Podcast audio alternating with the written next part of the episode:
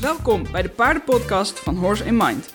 In deze podcast spreek ik mensen die bijdragen aan de verbetering van paardenwelzijn. De paardenpodcast wordt mede mogelijk gemaakt door Horse in Mind, kennisplatform over paardenwelzijn. En Rianne Dekker, holistische paardenrevalidatie voor een gezond en blij paard. Leuk dat je luistert naar de derde aflevering van de Paardenpodcast. In deze aflevering is Jantine Steehouder te gast. Zij is eigenaresse van Pure Horse, een bedrijf dat biologische paardenvoeding verkoopt. Ik ken Jantine al, uh, al een aantal jaar. Ze is uh, inmiddels een, een, goede vriendin van me geworden. En ik verbaas me altijd over hoeveel ze wel niet van weidebeheer en biologische voeding af weet. Zij is ook degene die de voeding samenstelt voor mijn revalidatiepaarden bijvoorbeeld. In deze podcast vertelt Jantine wat haar visie is op een gezond, uitgebalanceerd dieet en wat voor invloed dat heeft op paardenwelzijn. Ik hoop dat je er veel waardevolle dingen uithaalt en ik wens je heel veel luisterplezier. Ik ben Jantine um, en ik heb uh, Pures opgericht, een biologische paardenvoedingbedrijf. Uh, en uh, we hebben ook dit jaar voor het eerst de Pures Box gelanceerd, waarin we proberen dat heel Nederland eigenlijk kennis kan maken met echt goede voeding voor paarden. En dat is ook wat, je met, uh, wat jouw missie is met Pure Horse? Ja, eigenlijk wel. We willen uh, zoveel mogelijk uitdragen, zodat echt zo laagdrempelig mogelijk ook, um, zodat men gemakkelijk het welzijn kan verbeteren, in ieder geval door zichzelf te educeren. En ook dat we daarbij de producten aanbieden die ja, daarbij passen. Dat was ooit mijn beginmissie. En dat is eigenlijk nog gebleven, alleen is hij inmiddels veel verder uitge, uitgebreid geraakt. En jouw, jouw producten die zijn allemaal biologisch. Is dat ook een, een bewuste keuze en zo ja, waarom? Ja, ja ik, eigenlijk was ik op zoek naar de beste kwaliteit. Niet per se biologisch, maar daar kom je dan eigenlijk wel meteen op uit. Omdat uh, bij biologisch werk je met een keurmerk. Um, dat wordt dus uitvoerig getest. En door die test kun je je ook garanderen dat de kwaliteit heel hoog is. Um, anders is het een beetje geloven op de blauwe ogen van de verkoper. En dat is niet, ja, daar wordt gewoon best wel veel in gesjoemeld ook. Dus dat wil ik absoluut niet. Um, maar het is niet alleen biologisch, ook het recept maakt uit. Uh, of de grondstoffen die, uh, die je gebruikt en hoe je die bewerkt. Dat is niet alleen, dat gaat verder dan alleen biologisch eigenlijk. En hoeveel verder gaat dat dan? Wat, wat komt daar allemaal bij kijken? Nou, in ieder geval inderdaad het recept vind ik heel belangrijk. En dat je het passend maakt bij het paard. Dus uh, een paard in verschillende levensfasen hebben eigenlijk verschillende behoeftes. Ook meer of minder training maakt uit. Uh, dus daar moet het op afgestemd worden.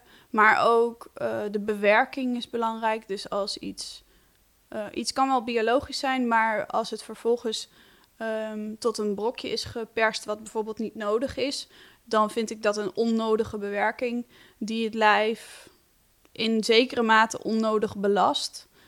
Um, het is niet dat het lijf het niet kan, maar je wil eigenlijk zo dienend mogelijk voeden. Dus je wil zo goed mogelijk passend bij het paard voeding aanbieden. En dat doe je door het recept heel goed te houden en zo min mogelijk bewerkingen te krijgen. En nou, je zou denken dat, dat dit heel logisch klinkt en dat dat voor eigenlijk iedere paardenvoeder geldt. Ja, nee, ja, dat zou je hopen. Daar zijn we misschien wel naartoe aan het bewegen, heb ik het idee. Maar het gros, echt het grote gros, en zeker vanuit de geschiedenis waar we uitkomen met de voedings, met de markt, zeg maar, die er is, um, is dat niet zo. En, en het is eigenlijk best wel logisch te verklaren ook als je kijkt naar de ontwikkeling die we hebben doorgemaakt als mensheid en ook de rol die paarden daarin hebben gespeeld, is het heel logisch dat we. Hè, paarden kwamen uit de vee, veehouderij. Dus de, de, de blik op voeding is van zo'n grote nou, achterstand, kan je zeggen, of zo'n grote, heeft zo'n grote verandering moeten doormaken naar onze hobbypaarden, CQ sportpaarden dat het best wel logisch te verklaren is dat we zijn gaan werken met gehaltes en uh, bewerkingen, zodat het makkelijker verteerbaar is. Dat zie je in de, in de voedingsindustrie bij mensen eigenlijk ook. Ja. Uh, maar het gaat natuurlijk heel ver af van het oerpaard. Ja, want ik heb je wel eens horen, horen zeggen over eigenlijk drie soorten voeding die er zijn als je het vergelijkt met de supermarkt. Ja, ja, dat is inderdaad, dat zeg ik vaak. Ja, als ik, zou, ik zou zeggen, je kan uh, snackbar voeding geven. Dus um, dat is vergelijkbaar als je zelf regelmatig naar de snackbar gaat of een pizza bestelt. Of... En aan wat voor voeding moet je dan denken voor paarden? Wat valt er onder snackbarvoer? Nou, iets waar veel suiker, hoog suikergehalte in zit. En het hoeft niet per se door daadwerkelijk suikers te zijn, maar ook zetmelen worden omgezet in suiker dat is een belangrijk punt. En ik zou ook zeggen, als het echt bewerkt is, dus getoast, gepoft, noem het. Ze kunnen echt de meest rare dingen doen tegenwoordig. Ja, je ziet heel vaak schilfers en hullen, ja. meel op, het, op de verpakking staan. Ja, en dat is eigenlijk het derde punt. Dat er zijn allemaal restafvallen, reststromen. Op zich ben ik niet tegen restafval of restproduct eigenlijk te gebruiken in voeding. Uh, maar er moeten wel kwalitatieve uh, waardes in zitten. Ja. En als je alleen maar het als vulmiddel geeft, dan ben je niet aan het voeden, dan ben je aan het vullen. Ja, dus dat is het, dat is het snackbarvoer. En wat, wat zijn nummer twee en drie? Uh, nou, nummer twee zou ik zeggen is gewoon de supermarkt. Dus, en dan bedoel ik eigenlijk, want je kan in de supermarkt ook heel veel uh, chips, snoep en uh, dat soort dingen kopen. Maar ik bedoel dan eigenlijk meer het groente en fruit van de heel conventioneel groente en fruit van de supermarkt. Dus je eet al wel een stuk gezonder. Je voedt jezelf met uh, hele grondstoffen en het paard ook daarmee. Dus minder gebruik van afvalstoffen, meer van echt daadwerkelijk stoffen waar het paard ook echt iets aan heeft. Grondstoffen moet ik zeggen. Um, maar daar zitten nog steeds bestrijdingsmiddelen op. Vaak zie je toch dat het recept niet helemaal lekker is. Dat er toch nog wel wat van suikers of dat soort dingen doorheen sluipen. Uh, maar dit is wel een moeilijkere groep. Hier vaak op dit soort producten staat wel grote letters natuurlijk. Uh, maar als je het dan even terug gaat lezen, dan soms schik je je echt helemaal uh, het rambam. Om heerlijk te zijn. En wat zou dan het beste zijn? Nou ja, wat wij verkopen en ook nog een aantal meer, maar wat ik het top vind is, zal ik maar zeggen, vergelijkbaar met de Ecoplaza of wat hadden we? De, de natuurwinkel. Een natuurwinkel, ja. Echt waar de biologische keurmerken op zitten, waar geen uh, gekke dingen mee zijn uitgevoerd. Ook het liefst uh, zo lokaal mogelijk. Um, dus niet een, uh, een opkoping uit nou ja, andere delen van de wereld. Bijvoorbeeld China komt al veel vandaan, zeker in supplementen. Nou ja, dat heeft ook nog eens een hele grote bio- of, footprint super jammer, zou ik zeggen. Dus dat zijn allemaal aspecten waar een natuurwinkel veel meer rekening mee houdt. En een uh, ja, biologisch paardenvoer dus ook. Ja, en weet je, de, de, er wordt natuurlijk best wel veel groente, fruit, maar ook dus dat wat er in paardenvoeding gaat uh, uh, bespoten. Of bijvoorbeeld genetisch gemodificeerd. Ja. Maar het, het argument van de, van de producent zal altijd zijn dat het zulke kleine gehaltes zijn dat het niet uitmaakt voor een dier of een mens. Ja, Um, nou, ik denk, ik denk eigenlijk wel dat dat zo is. Uh, daar is dat is wel een grijs gebied. Um, je probeert zo goed mogelijk te voeren, maar daarmee kan je wel zeggen: het lijf is best wel sterk, kan vrij goed regenereren. Dus uh, je mag heus wel een keer een roze koek voeren. Zoals... Of een keer naar de snackbar. Ja, weet je wel, ja. Of een weet, weet ik veel. Je mag echt wel een keer uh, die grenzen wat uitrekken, want dat is, zo is het nou eenmaal. Um, en dat kan het lijf ook prima aan. Alleen ga je het chronisch doen, daar gaat het vaak mis. En je moet ook niet vergeten dat de algemene belasting ook veel hoger is tegenwoordig. Dus uh, waterverontreiniging, luchtverontreiniging, uh, maar ook pesticiden die meekomen van andere landen. Uh, niet eens van je eigen land, maar die overwaaien. Die blijven natuurlijk niet braaf op hun eigen perceel als het waait. dat soort dingen zijn echt zeer, um, ja, veel meer aanwezig dan aantal jaren geleden. Ik denk dat dat alsmaar blijft groeien. Hopelijk kunnen we het als mensheid uh, omkeren uiteindelijk. En, um, en ik denk als laatste factor is ook, uh, wat wel ook heel belangrijk is, is stress. Uh, op twee niveaus. Ik zou zeggen gewoon op, op, fysiek of mentaal niveau. Dus gewoon hoeveel train je, hoe is je paddock ingericht, hoe is de kudde, al die letterlijke dingen eigenlijk.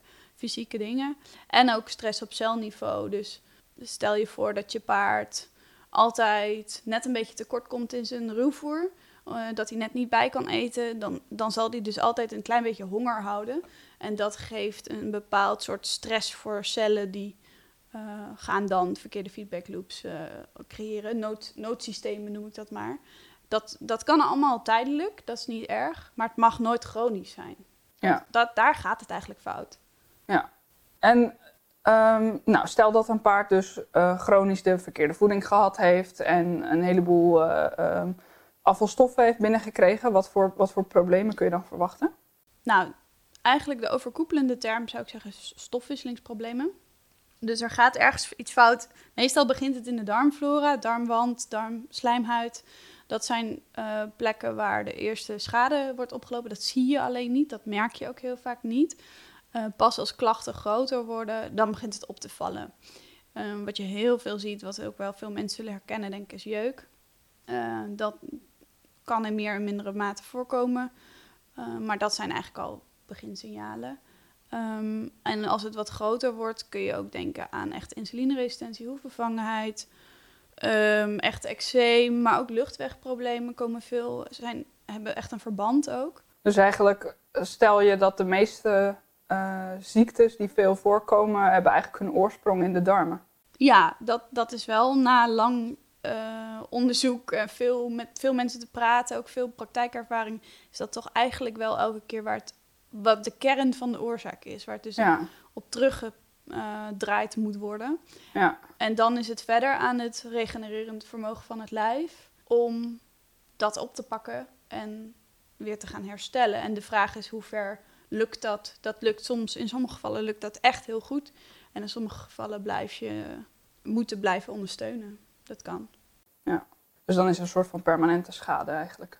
Ja, bij wijze van. Ja, in meer of meer. En het is nooit fixed. Er zijn geen echte, tenminste uh, niet bij de problemen waar we het nu over hebben.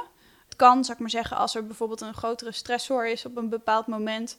Uh, nieuw lid in de kudde, noem maar bijvoorbeeld. Kan, kunnen dergelijke klachten weer wat erger worden. Als die stressor dan weer afneemt, kan het soms ook weer wat ja, stabiliseren, zou ik maar zeggen. Uh, dus het, is, het kan heel erg fluctueren. Um, en je wil die fluctuatie zo klein mogelijk krijgen en zoveel mogelijk weer die kracht, eigenlijk de vitaliteit erin terugkrijgen. Ja. ja. En met Pure Horse verkoop je vooral producten die een soort van vervanger kunnen zijn voor het, voor het krachtvoer wat mensen nu gewend zijn. Ja. Wat voor producten moet ik aan denken? Ja, leuk. Um, nou, het is wel leuk. Ik moet er meteen aan denken bij deze vraag mijn start was dat ik bij iemand in een honden- en katten uh, magazijn voor uh, honden- en kattenvoer stond. Wat echt het topspul was. En, dit, en ik dacht, jemig, dit, dit, dit kunnen we ook voor paarden. Waarom bestaat dit nog niet? Mijn eigen paard had het destijds heel hard nodig. Ik dacht, dat, dat moet het normaal worden eigenlijk. Waarom is dat niet zo?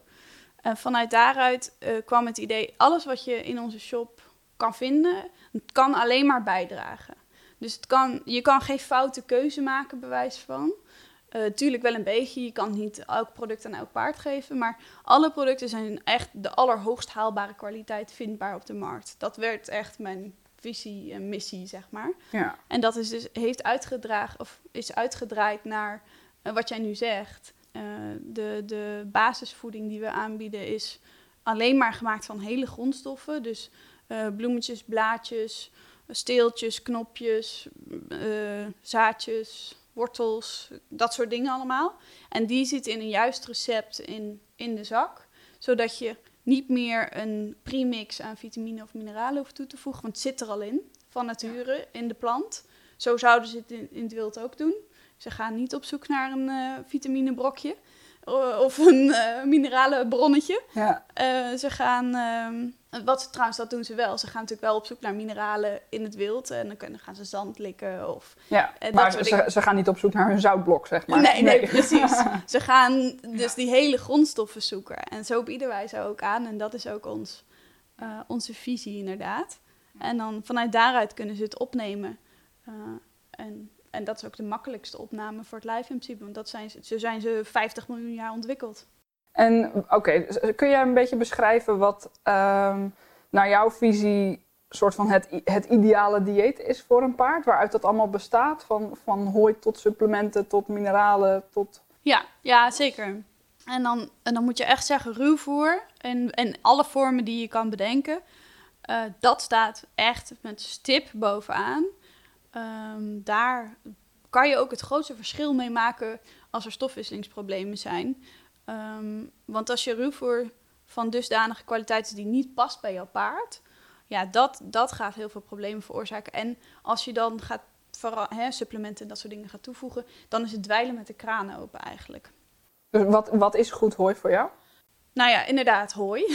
Laten we daar beginnen. Hooi is dus, uh, of ruwvoer, is, bestouw, met name moeten bestaan uit gras of hooi. Um, en hooi is onverpakt en heeft, uh, van die, is van de juiste snede. Dus niet uh, de vijfde snede van datzelfde landje, maar het liefst de eerste en misschien de tweede. En dat land moet dan ook verder met rust gelaten worden. dat land mag alleen bemest zijn met vaste mest of een... Uh, natuurlijke meststoffen. Dus dat bedoel ik lava, kleinmineralen, dat soort dingen. Dat is belangrijk.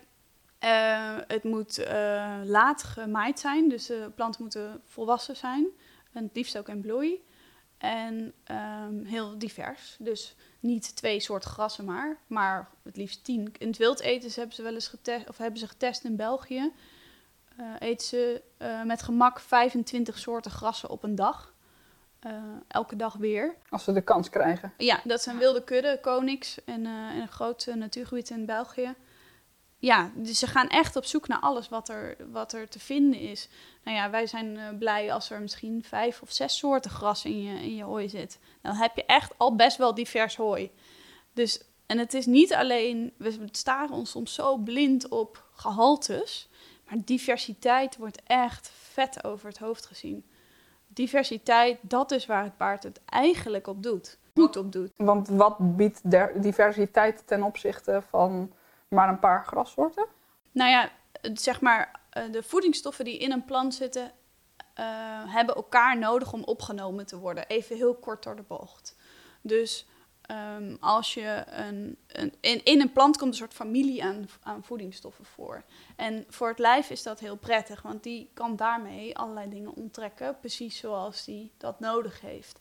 En door verschillende keuzes te kunnen maken, kan het paard dus zelf kiezen op uh, um, welke. Ja, kan het lijf, dat gebeurt allemaal onbewust natuurlijk, kan het lijf zelf kiezen wat hij nodig heeft. Um, en ook structuren maken uit, uh, andere gehaltes van voedingsstoffen maken uit. Oké, dus dan hebben we uh, de basis van het dieet, dat is het, het ruwvoer. Ja, oh, ja, ja, dus hooi vooral. Maar ik zou ook zeker een land willen breken voor gras. Uh, wel een grasland wat inderdaad aan een aantal voorwaarden voldoet. Dus geen gestreste poszegelwijtje. Niet het, uh, het, het, vette koeiengras zoals het meestal in Nederland eigenlijk te vinden is. Ja, ook, dat is ook een probleem. Het is uh, vaak twee uitersten. Of vet koeiengras, waarvan je echt al nou, dik wordt als je naar kijkt, bij wijze van. Of super arm postzegelformaat uh, mini grasjes. beide niet oké voor een paard. Um, dus als je wij voldoet aan nou ja, uh, diversiteit, goede bemesting, dus geen gier of kunstmest, maar wel uh, vaste mest, compost het liefst. Um, en je, je doet dat, uh, je geeft je paard een, een, passende hoeveelheid uren per dag in de seizoenen dat het kan. Um, en dat het gras lang is, de ruimte om te eten dan is dat wel het meest natuurlijke wat ze kunnen doen. Ook, de, ook fysiologisch, zeg maar, hoe ze lopen, hoe ze het afbijten. Uh, dat, daar is het lijf echt op gemaakt. Dus dat is het aller, allerbeste, indien mogelijk. Um, en hoe spelen bijvoorbeeld struiken en bomen? Spelen die ook nog een rol in, in ruwvoer? Ja, ja. Oh, goeie dat je het uh, benoemt. Zou ik bijna vergeten. Ja, dat is een vrij belangrijke uh, onderdeel ook. In datzelfde onderzoek kwam uit dat ze ook 11 uh, eh, houtachtige eten per dag. Dat is best wel veel, vind ik. Ik moet er wel bij zeggen dat als je dus uh, hè, wat de uitslag van dat onderzoek was 25 grassoorten, ik geloof 65 plantensoorten, dus alles wat divers is, en uh, 11 houtachtige. Maar ze eten wel 75% van de tijd die grasachtige, 25% van de tijd de rest. Dus het is niet dat uh, het volume ook gelijk is daarin. Dus het grasruwvoer moet echt wel het meeste zijn. Maar goed, uh, de houtachtige zijn inderdaad heel belangrijk voor de pH, onder andere. pH van de dikke darm en blinde darm. En um, bieden weer heel andere voedingsstoffen die echt belangrijk zijn, ook in de spijsvertering in het, in het lichaam van het paard. Dus een uh, regelmatig wilgberk, eh, eh, nou ja... Alle eetbare soorten, ja, zeg maar. precies. Zoek ze op. Ze zijn overal op, op internet te vinden als leuke toevoegingen. Ja. Eh, dan kun je een lijstje maken voor jezelf. Ja. En dan, en dan geeft hij regelmatig. Ja, heel goed idee. Oké, dus dan hebben we het ruwvoer eigenlijk als, als basis van het dieet. En wat moet daar dan verder bij volgens jou? Ja, nou ja, omdat het zeer waarschijnlijk ontbreekt aan diversiteit daarin, moet je bijvoeren. Ehm, en dan moet je denken aan een balancer. Tenminste, dat is het nieuwe hippe woord wat we er tegenwoordig aan hebben gegeven. Ik vind het op zich wel, eh, wel passend. Ehm, maar je, ja, ik zou zeggen, kies iets wat, eh, wat eh, past bij je paard. Wat in ieder geval een aantal vitamine suppleert. Dat is het belangrijkste eigenlijk. Dus waar je paard de vitamine uit kan halen die die naast hooi, ehm, dat is toch wel waar de meeste paarden op leven, nodig hebben. Want als je gras droogt, hè, hooi van maakt, dan verliest het een aantal vitamine oh, gedurende de tijd. Eh, niet meteen, maar het neemt een beetje af. Dus, en er zit ook niet alles in. Dus eh, je wil er een klein beetje bij geven. Nou, dat kan je bij de, met de iedere dag kruiden bijvoorbeeld van ons doen, of met de box. Ehm, Wat, wat eh, houdt die box in dan? nou, de box is nog iets uitgebreider eigenlijk. Want ehm, eh, je kan ook nog een beetje de seizoenen volgen. Ehm, dat zou in de natuur natuurlijk ook gebeuren. Dus in, eh, door de seizoenen te volgen eh, geef je je paard daar waar nodig de grondstoffen die die normaal in het wild zou vinden of zou zoeken. Je kan natuurlijk niet altijd alles vinden in elk gebied. Maar, eh, en dan heb je meer dat je ook een soort preventief ondersteuning biedt. Ja, dus je bent niet telkens aan het oplossen, zeg maar. Nee, precies. Ja. Dat is echt het idee van de box, dat je constant eigenlijk erbovenop zit, wel op een hele rustige en adequate, eh, niet-invasieve manier. Nee, dus het zijn geen eh, enorme producten die je gaat toevoegen, maar het is echt heel passend bij het seizoen. Ehm, door in de zomer wat meer zouten, ehm, in, de win- in de herfst wat meer immuunsysteemachtige dingen, in de winter wat eiwitten en wat vetten. Nou ja, zo weet je wel. Dus, maar dan allemaal op een hele, iets wat ze in het wild ook zouden kunnen vinden. Dat is echt de basis daarvan. Ja. Dus die balancer komt dan eigenlijk bovenop het, eh, eh, bovenop het ruwvoer. En daarbij hoort nog, eh, zou ik zeggen, vind ik echt een must. Het is niet altijd te creëren, maar is een mineralenbuffet. Ehm, omdat mineralen is best wel moeilijk inschatten hoeveel een paard daadwerkelijk van nodig heeft of verbruikt. Eh, er zijn allemaal gehaltes voor en er zijn allemaal eh, studies over en daar hebben we allemaal knappe koppen zich wel over gebogen. Alleen het probleem daarvan is als je een brokje geeft met gehaltes die bedacht zijn, dan wil dat niet zeggen dat het A past bij jouw paard op dat moment. Dus het kan zijn dat je onnodig suppleert. Dat is zonde, want dat is eigenlijk een belasting voor het lijf. Ook nog een beetje zonde voor je portemonnee. Dus dat is een beetje dubbel. En eh, mineralen kunnen opgebruikt worden, of in ieder geval verbruikt worden in het lijf. En hoeven niet direct veel bijgevoegd te worden. Je kan, zal ik maar zeggen, suppleren, dus geven, voeren. En dan een paar weken wachten. Dan wordt alles een beetje opgebruikt. En vervolgens het weer opnieuw toevoegen, zeg maar. Maar goed, dan moet je het allemaal op zien doen. Hè? Dus dan moet je je paard heel goed kennen en dan moet je heel goed weten. Nou, dat A, hebben we daar vaak geen tijd voor. En B, eh, is dat ook best wel moeilijk, want je bent gewoon Ja. niet de hele dag bij je paard. Eh, dus zou ik zeggen, geef ze hun keuze terug door een buffetje aan te leggen. En de meeste mensen kennen het wel door een, hè, die hangen een liksteen op. Eigenlijk heb je dan al een stukje van het buffet gedaan. Maar als je dat nou aan, eh, uitbreidt met zeezout, zeewier, veendrenk, eh, allemaal dat soort mineraalhoudende producten zonder suiker. En je hangt bakjes op dat ze zelf kunnen kiezen. Het zijn allemaal houdbare producten. Ehm, kunnen gerust daar eh, een tijdje hangen zonder dat dat bederft of zo. En je geeft ook niet te veel in één keer, dus dat ze niet gaan bunkeren. En dus een beetje met beleid moet je dat eh, ophangen. een beetje over nadenken, kijken wat past bij je kudde. En dan kunnen ze gewoon zelf kiezen. Nou ja, dat is natuurlijk eigenlijk... En je geeft een stukje van de natuur terug, want dat zouden ze in de natuur ook doen. En het wordt dan natuurlijk gewoon een stuk makkelijker, omdat je niet continu zelf hoeft Ja. in te schatten wat ze, wat ze nou nodig hebben. Ook fijn. Ja, nou inderdaad. En ehm, nou, we hadden het net heel even over die, over die eh, box. Ja. Daar zit dus in ieder geval de, eh, nou ja, een balancer in en producten eh, aangepast op het seizoen. Uh, zitten daar dan ook die mineralen in? Of, of ga je ervan uit dat mensen het mineralenbuffet daarnaast aanleggen? Um, nou, we zijn de box nog steeds aan het optimaliseren. Dus er komt uiteindelijk een, um, een mogelijkheid dat je die inderdaad kan meebestellen. Dat is nu nog niet, maar dat komt uh, vrij vlug. um, maar dat is een beetje een systeemding wat, nou ja, ja. Work in progress. maar er zitten zeker wel mineralen in op de momenten dat het nodig is. Dus bijvoorbeeld deze maand zit er zeezout in, omdat we hebben natuurlijk weer een paar dagen geleden, of een week geleden alweer, was het zo knijterheet. Ja, dan wil je gewoon dat je zout kan aanbieden. En in zeezout zitten heel veel mineralen, dus dan heb je een mooie win-win. Ja. Um, dus daar let ik wel zeker wel degelijk op. Um, en er zitten in principe door het jaar heen voldoende mineralen in om gewoon, hè, dat is, dat hou, dan hou je hem gewoon prima op peil. Maar um, ik zou altijd nog adviseren om ernaast een mineralenbuffet aan te leggen. Ja, oké. En we hebben het nou eigenlijk ja, min of meer over, over gezonde paarden en, en hoe je die onderhoudt en hoe je die uh, voeding aanbiedt. Maar ik kan me ook best wel voorstellen dat er nu mensen zitten te luisteren die denken, ja, maar mijn paard die heeft echt altijd diarree of die heeft super slechte darmen of dat is een eczeempaard of heeft luchtwegproblemen. En behalve dat je dan natuurlijk gewoon kritisch moet kijken naar het, naar het ruwvoer, van, van wat ik van Ja. je begrijp. Ja. Zijn er dan toch nog manieren om, om zo'n paard te ondersteunen? Ja, ja zeker.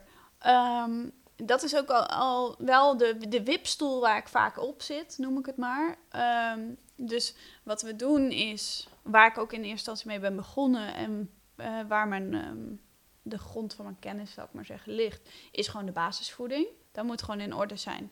Ja. Maar dat is in niet alle gevallen meer voldoende. Dus je ziet soms dat een paard omgeschakeld is van een minder oké situatie naar meer passend. Maar dat de klachten niet weggaan. En dan kom je eigenlijk al bijna op het therapeutische gedeelte.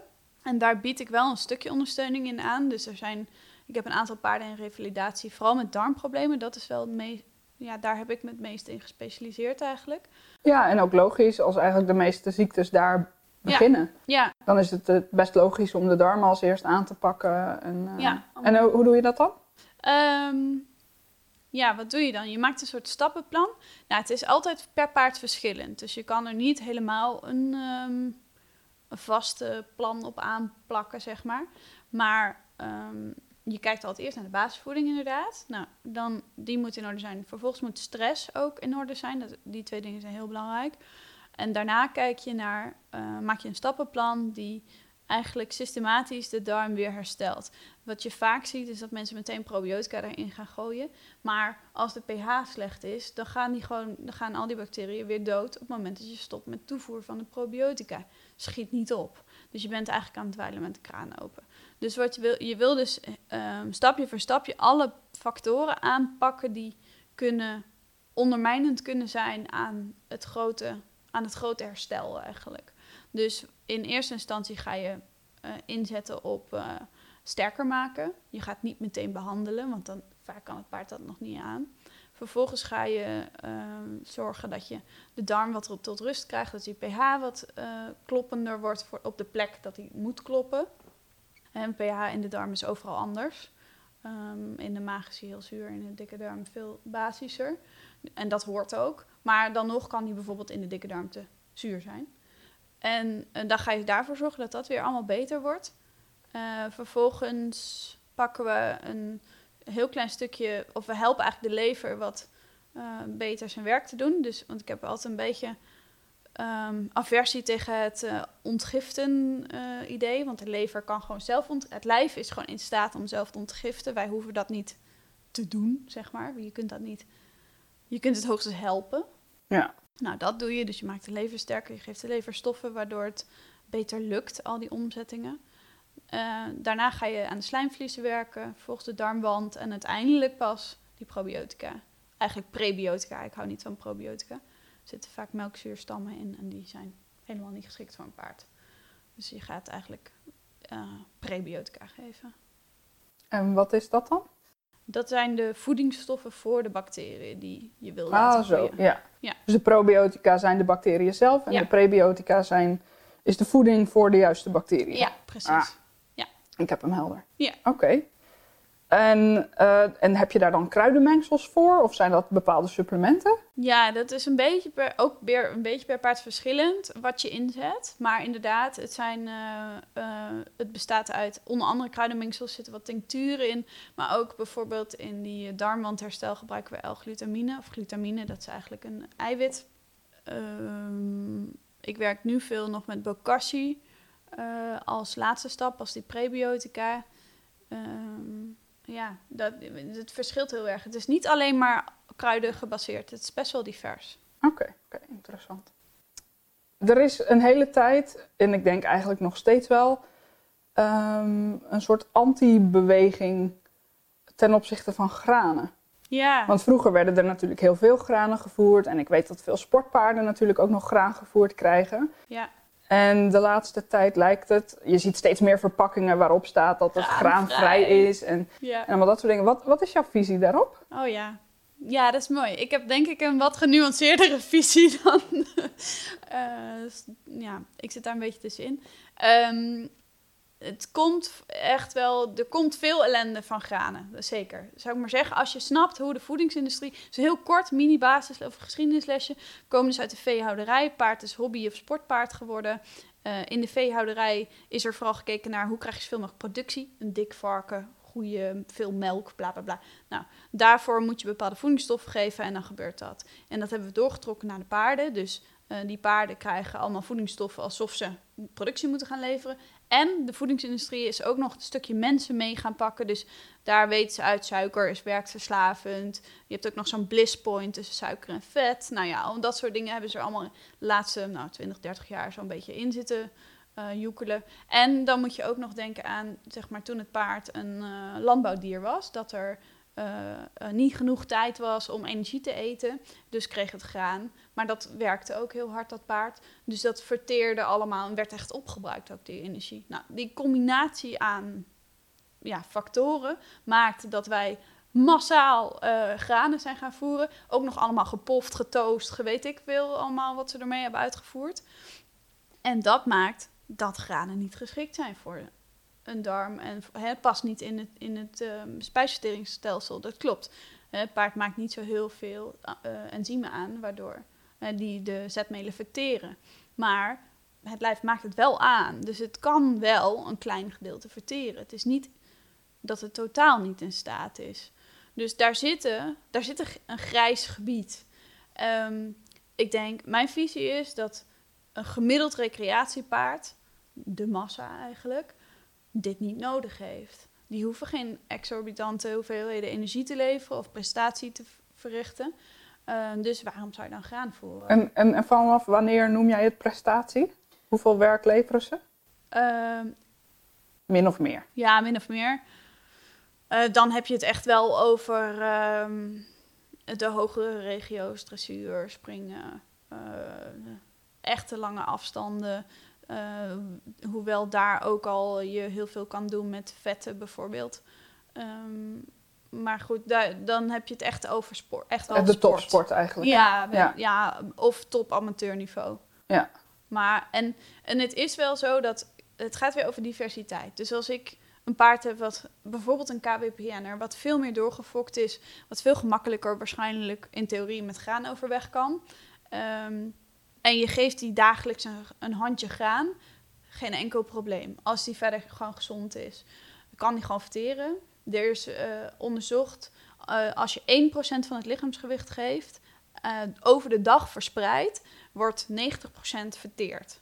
Nou, dat is, vrij, dat is best wel risicoloos. Dus als jij een handje of een halve schep geeft aan je paard en je verdeelt het over drie voerbeurten en je rijdt vrij hoog, prima, geen enkel probleem.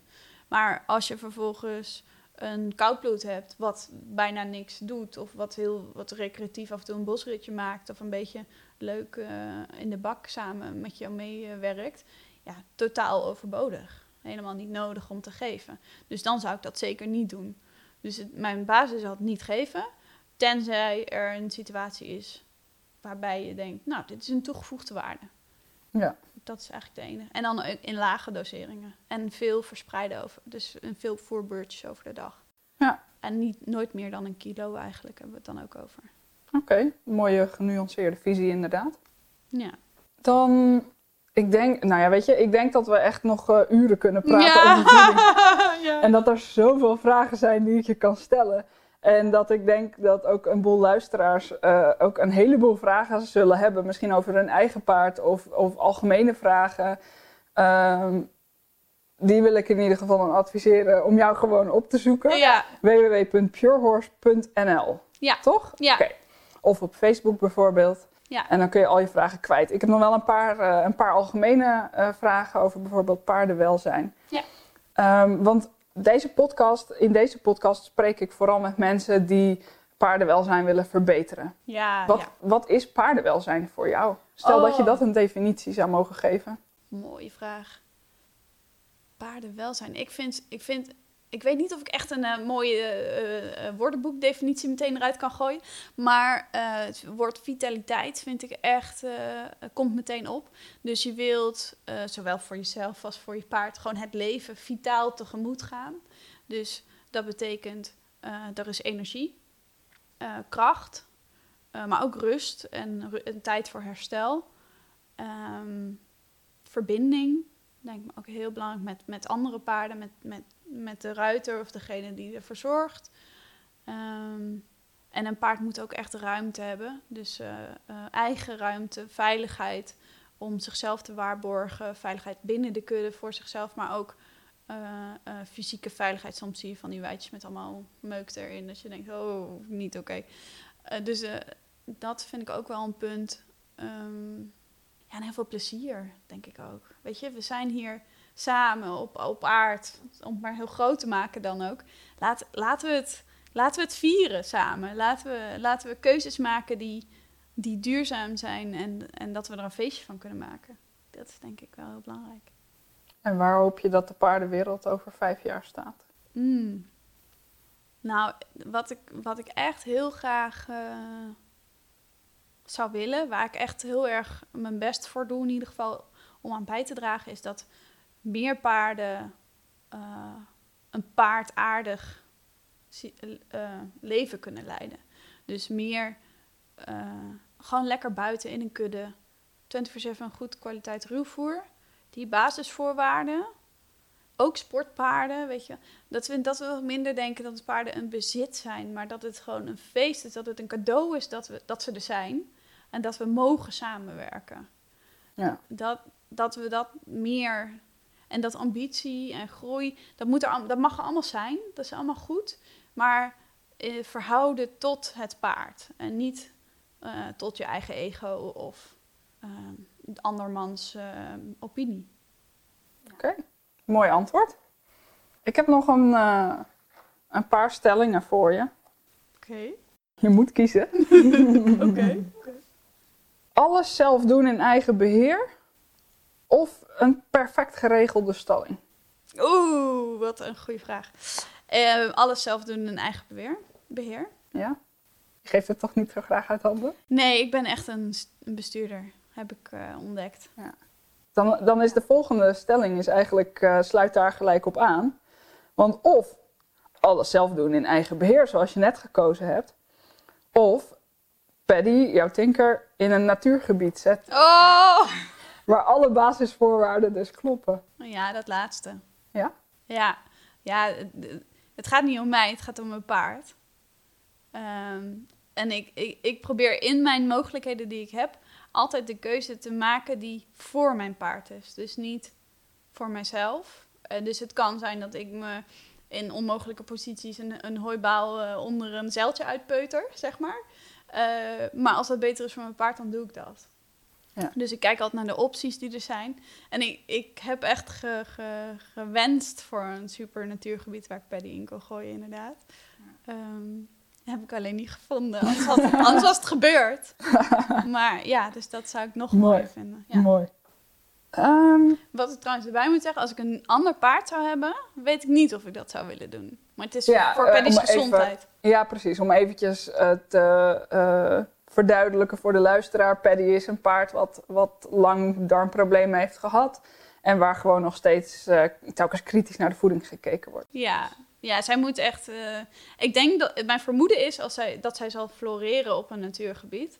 En dat ze dus gezonder zal worden. Ehm, Maar, maar ik heb natuurlijk, het schuurt altijd met wanneer je ook je eigen, je wil ook voor jezelf iets, je hebt niet alleen een paard voor het paard. Dat zei ik net wel, maar in, dat is natuurlijk van de ene, ene kant absoluut zo. En van de andere kant heb je hem altijd ook voor jezelf. en ik heb ook ambities en ik ben echt een dressuurruiter in hart en nieren.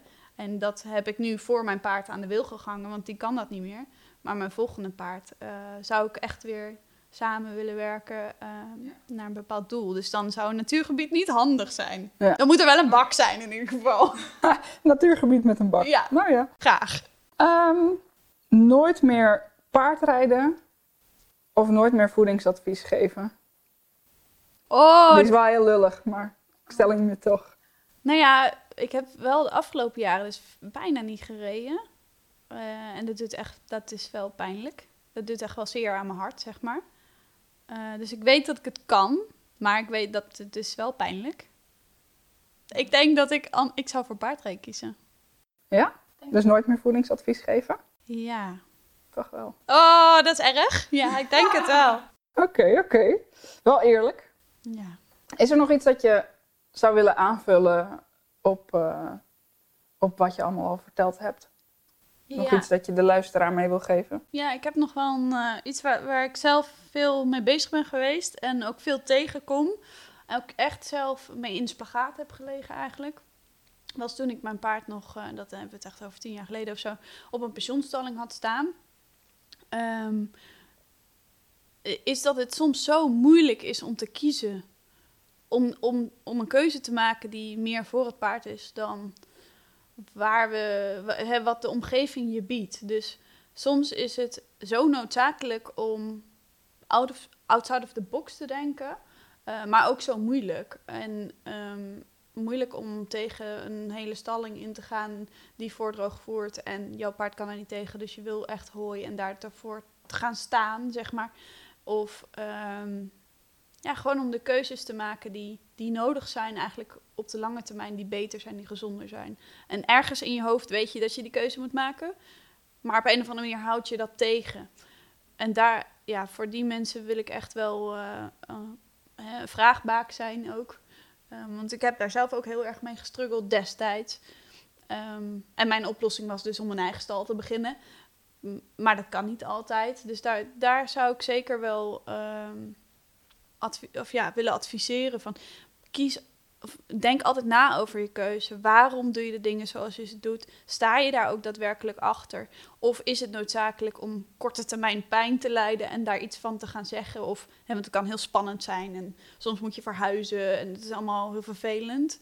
Of kan heel vervelend zijn. Maar toch is het dat wel waard. Want uiteindelijk is de band met je paard en de duurzaamheid en gezondheid, dat is zoveel, dat is zo genieten als dat er is.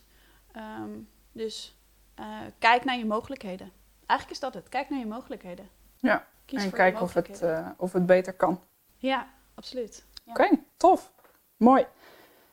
Jantine die heeft een, eh, een box beschikbaar gesteld voor één luisteraar. Dus de Pure Horse box waar ze net uitleg over heeft gegeven ter waarde van 55 euro. Als je daar kans op wil maken, ga dan eventjes naar www.horseinmind.nl slash purehorse aan elkaar. En als je dan eventjes je naam en e-mailadres achterlaat, dan maak je kans op de box. Eh, je wordt dan ook even toegevoegd aan eh, zowel de mailinglijst van mij als van Jantine. eh, zodat je geen tips mist over in haar geval voeding en in mijn geval paardenwelzijn. Dus als je mee wil doen, meld je even aan en dan laat ik volgende week eh, weten of je misschien de gelukkige winnaar bent. Hoi. Jantine, ik wil jou heel erg bedanken voor je deelname aan de podcast. Yes. En ik zou nog wel twee uur kunnen Ja. zitten. dus wie weet, over een tijd. Ja, ik keer. zeggen, doe een raincheck met alle vragen. of zo. Doen we, doen we. Ja. Tot de volgende keer. Yes, jij ook bedankt.